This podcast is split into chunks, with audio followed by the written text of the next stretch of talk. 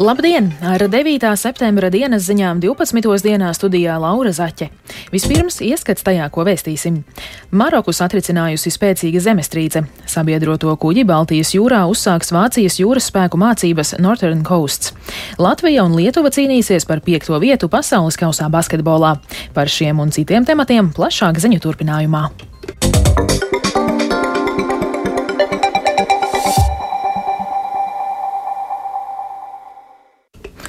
Maroku piekdienas vakarā ir skārusi spēcīga zemestrīce. Vietējās varas iestādes ir novērtējušas tās stiprumu ar septiņām magnitūdām. Jaunākais bojā gājušo skaits jau pārsniedz 630 cilvēku. Ir bojātas arī vairākas ēkas senajā Marākešas pilsētā, kas ir iekļauta UNESCO pasaules kultūras mantojumā. Jaunāko informāciju ir apkopojis mūsu Briseles korespondents Artjoms Konohovs.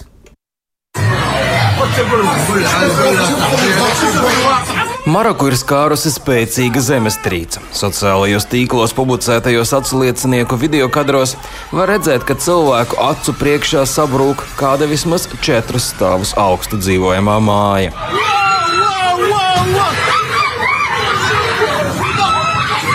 Citur var redzēt, kā cilvēki steigā pamet restorānus un bārus, kur viņi pavadīja piekdienas vakaru. Var pieļaut, ka šie kadri ir filmēti turistu iecienītajā Marakešā. Tās senais pilsētas centrs ir iekļauts UNESCO pasaules kultūras mantojuma sarakstā. Tiek ziņots, ka vecpilsētā ir sagrovušas vairākas mājas. Kāds vietējais vīrietis pauda gandarījumu, ka vismaz ir izdzīvojis.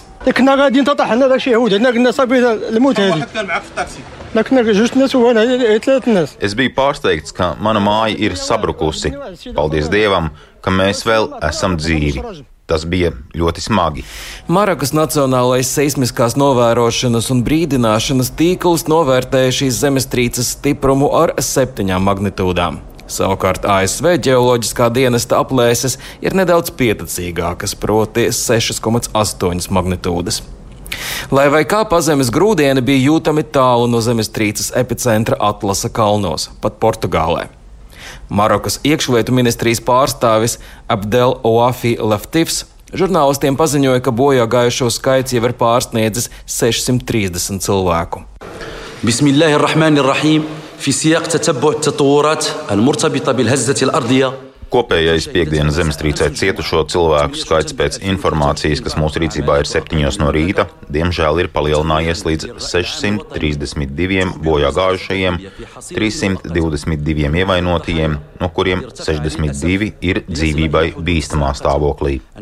Visi karaliskie spēki un civilās drošības iestādes ir gatavi darīt visu nepieciešamo, lai viņiem palīdzētu. Zemestrīce Marokā notika laikā, kad Ņūdelī norisinās G20 valstu līderu tikšanās. Sanākušo vārdā Indijas premjerministrs Narendra Modi ir izteicis līdzjūtību visiem zemestrīcē cietušajiem un solījis sniegt visu nepieciešamo atbalstu. Pēdējo reizi spēcīga zemestrīce Maroku piemeklēja 2004. gadā. Toreiz dzīvību zaudēja vairāk nekā 600 cilvēku. Arcums Konakovs Latvijas Rādio Briselē. Aizvadītajā diennaktī Ukrainā Krievijas veiktā apšaudē Hersonas apgabalā miruši trīs, bet ievainoti astoņi cilvēki. Tā pavēstījis apgabala gubernators Aleksandrs Prokūdins.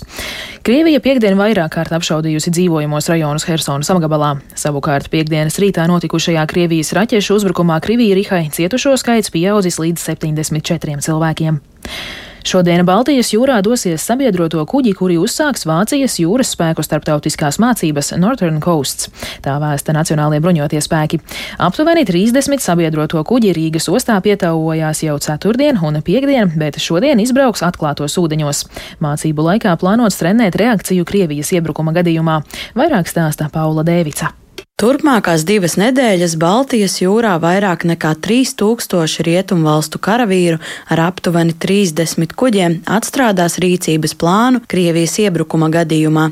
Mācībās piedalīsies karavīri no visām Baltijas jūra reģiona NATO valstīm, kā arī ASV, Kanādas, Nīderlandes, Beļģijas, Francijas un arī Zviedrijas, kas drīzumā pievienosies aliansei. Manevriem, kas notiks Latvijas un Igaunijas piekrastē, viens no galvenajiem uzdevumiem būs jūras ceļu drošības garantēšana. Mācības organizē Vācijas kara flote, un tās komandieris viceadmirālis Jans Kristiāns Kāks medijiem sacījis, ka tiks dots skaidrs vēstījums Krievijai, ne jau mūsu dežūras laikā.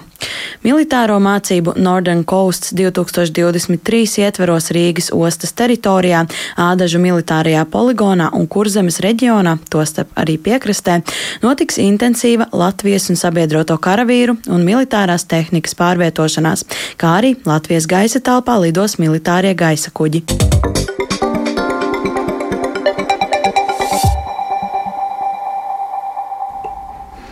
Pēdējā mēneša laikā par ātruma pārsniegšanu katru dienu fiksēti vidēji vismaz 200 pārkāpumu.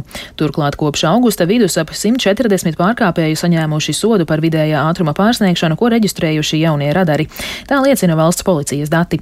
Kā vidējā ātruma kontrolas ierīces vērtē satiksmes eksperti un vai autovadītāji kļūst apzinīgāki, par to vairāk Viktora Demīdova ierakstā.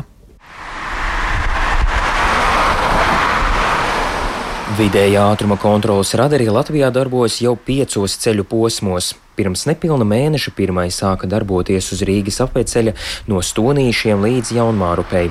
Savukārt augusta izskaņā vidējo ātrumu sāka mērīt uz vidzemes šosejas no tilta pār vēju pīti Siguldā līdz augšlīgatnei un uz autoceļa Cēsis vec pie Balga Madona no Jaunkleķeriem līdz Krustakrogam. Bet tikai otro dienu šie radari darbojas jau arī uz Tallinas šosejas no Siguļiem līdz Lilastei un uz Valmieras autoceļa posmā no Plāča līdz Stalbei.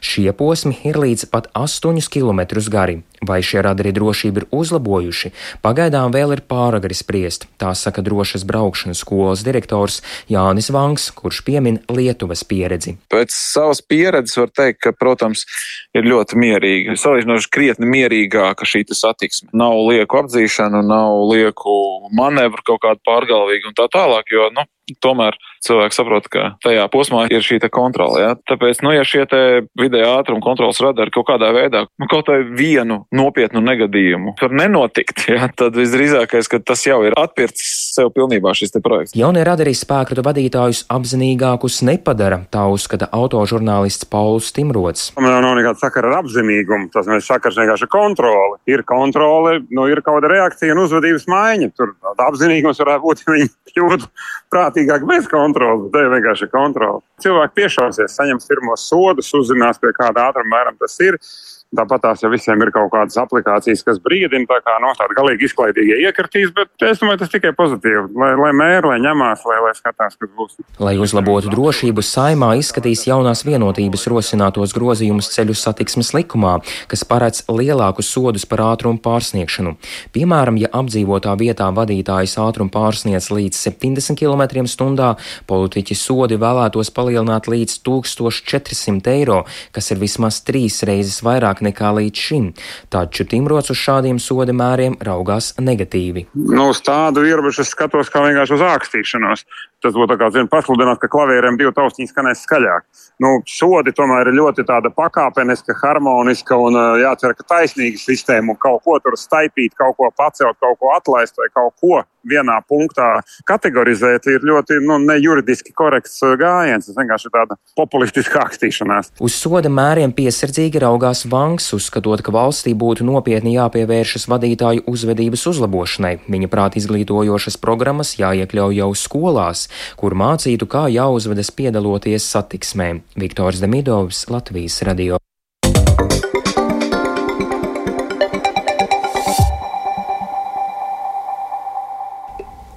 Un vēl par sportu. Arī šajā nedēļas nogalē visa uzmanība tiks veltīta pasaules kausa izcīņai basketbolā. Latvijas izlase šodien aizvadīs savu pēdējo spēli turnīrā pret Lietuvas izlasi.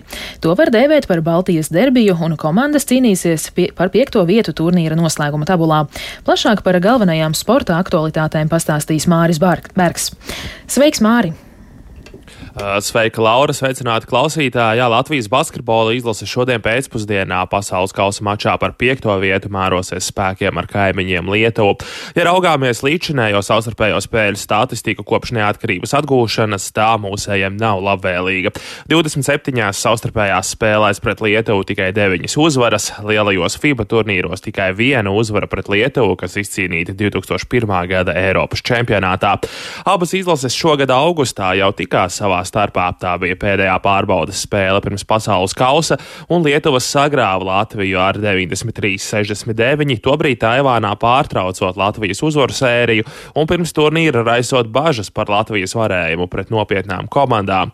Latvija ar piecām uzvarām septiņās spēlēs pasaules kausā pierādījusi, ka ar sniegumu viss ir kārtībā. Latvijas izlases spēlētājus un līderus šajā turnīrā jau esam ļoti labi iepazinuši, un arī šodien tie būs nemainīgi. Lielas cerības mūsējiem liekot uz Artūru Žagaru un Rolandu Šmitu, kuri aizvadīto sezonu pavadīja Lietuvas klubos. Tāpat rezultatīva spēle tiek gaidīta arī no Andreja Gražuļa, kurš izcēlās iepriekšējos mačos. Runājot par pretiniekiem, tad Lietuvas līderis neapšaubām ir centra spēlētājs Jauns Valančūns, kurš izcēlēs ar 14,7 punktiem vidēji spēlē, bet viņam uzbrukumā daudz palīdz jaunais saspēles vadītājs Roks Jokubaitis, tāpat būtisku pienesumu sniedz arī Mindaugs Kuzmīnskis un Igns Brīsīs. Brazdēķis. Svarīgi piebilst, ka šodien tiksies divas labākās tālmetienu izpildītājas visā turnīrā, un Lietuva šajā elementā mums pat ir priekšā, tātad viņi arī ļoti labi pieprot tos pašus ieročus, kas ir Latvijas komandai. Viens no vadošajiem Eiropas basketbola žurnālistiem, Lietuvietis Donāts Urbons, norāda, ka šajā spēlē daudz ko noteiks gribēšana, jo mačam beigu beigās nav nekādas lielākas pievienotās vērtības. Klausāmies Donātu Urbonu.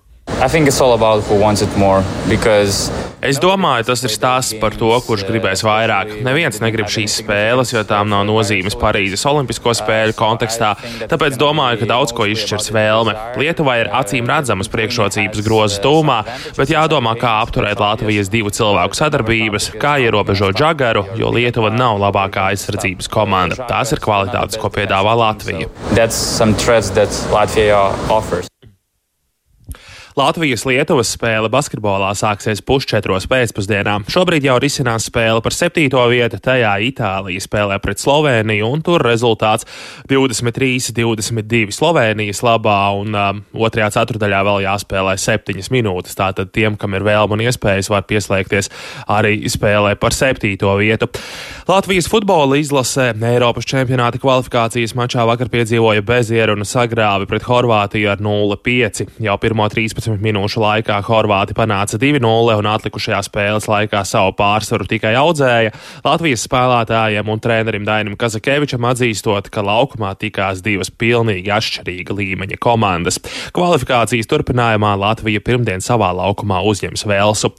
US Open vīriešu vienspēļu finālu aizvadītajā naktī sasniedza Novāks Džokovičs, kurš trīs setos pārspēja ASV jauno tenisistu Benu Šeltonu. US Open čempiona pilnvaras tikmēr nolicis pasaules ranga līderi līderis Karlos Salkaras. Viņš četros setos zaudēja neitrālā statusā spēlējošajam krievu tenisistam Danielam Medvedevam. Džokovičs un Medvedevs US Open finālā tikās 2021. gadā, un toreiz pārāks izrādījās Medvedevs, viņam izcīnot savu pirmo un līdz šim arī vienīgo Grand Slam trofeju. Vīru fināls US Open paredzēts svētdien vakarā pēc Latvijas laika, bet šodien finālā sacensties dāmas. Tajā Koko Gofa tiksies ar Arīnu Sabaļenku, kura pirmdien jaunākajā augstākajā pasaules rangā kļūs par pirmo numuru. Sporta ziņās man šod, šobrīd pusdienlaikā tas arī viss. Gaidām lielo basketbolu, Latvija, Lietuva spēle par piekto vietu pasaules kausā, un, kā jau teicu, šī spēle tātad sāksies pusčetros pēcpusdienā pēc Latvijas laika. Paldies! Tas bija Māris Bergs ar ieskatu aktuālajos sporta notikumos. Svarīgākais šodien jātur īkšķi par Latvijas basketbola izlasi. Ar to izskan 9. septembra dienas ziņas. Producents Edgars Kupčs, ierakstus montēja Renārs Steimanis, pieskaņu pults Ernests Valls Fjodorovs, bet studijā Laura Zaķe. Vēl tikai par laikapstākļiem.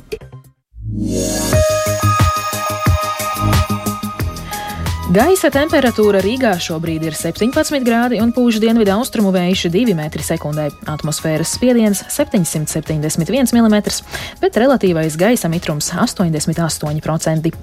Latvijā šodien mainīgs mākoņu daudzums bez nokrišņiem. Pūš lēns vējš līdz 5 m2 un gaisa temperatūra valstī no 19 līdz 24 grādiem.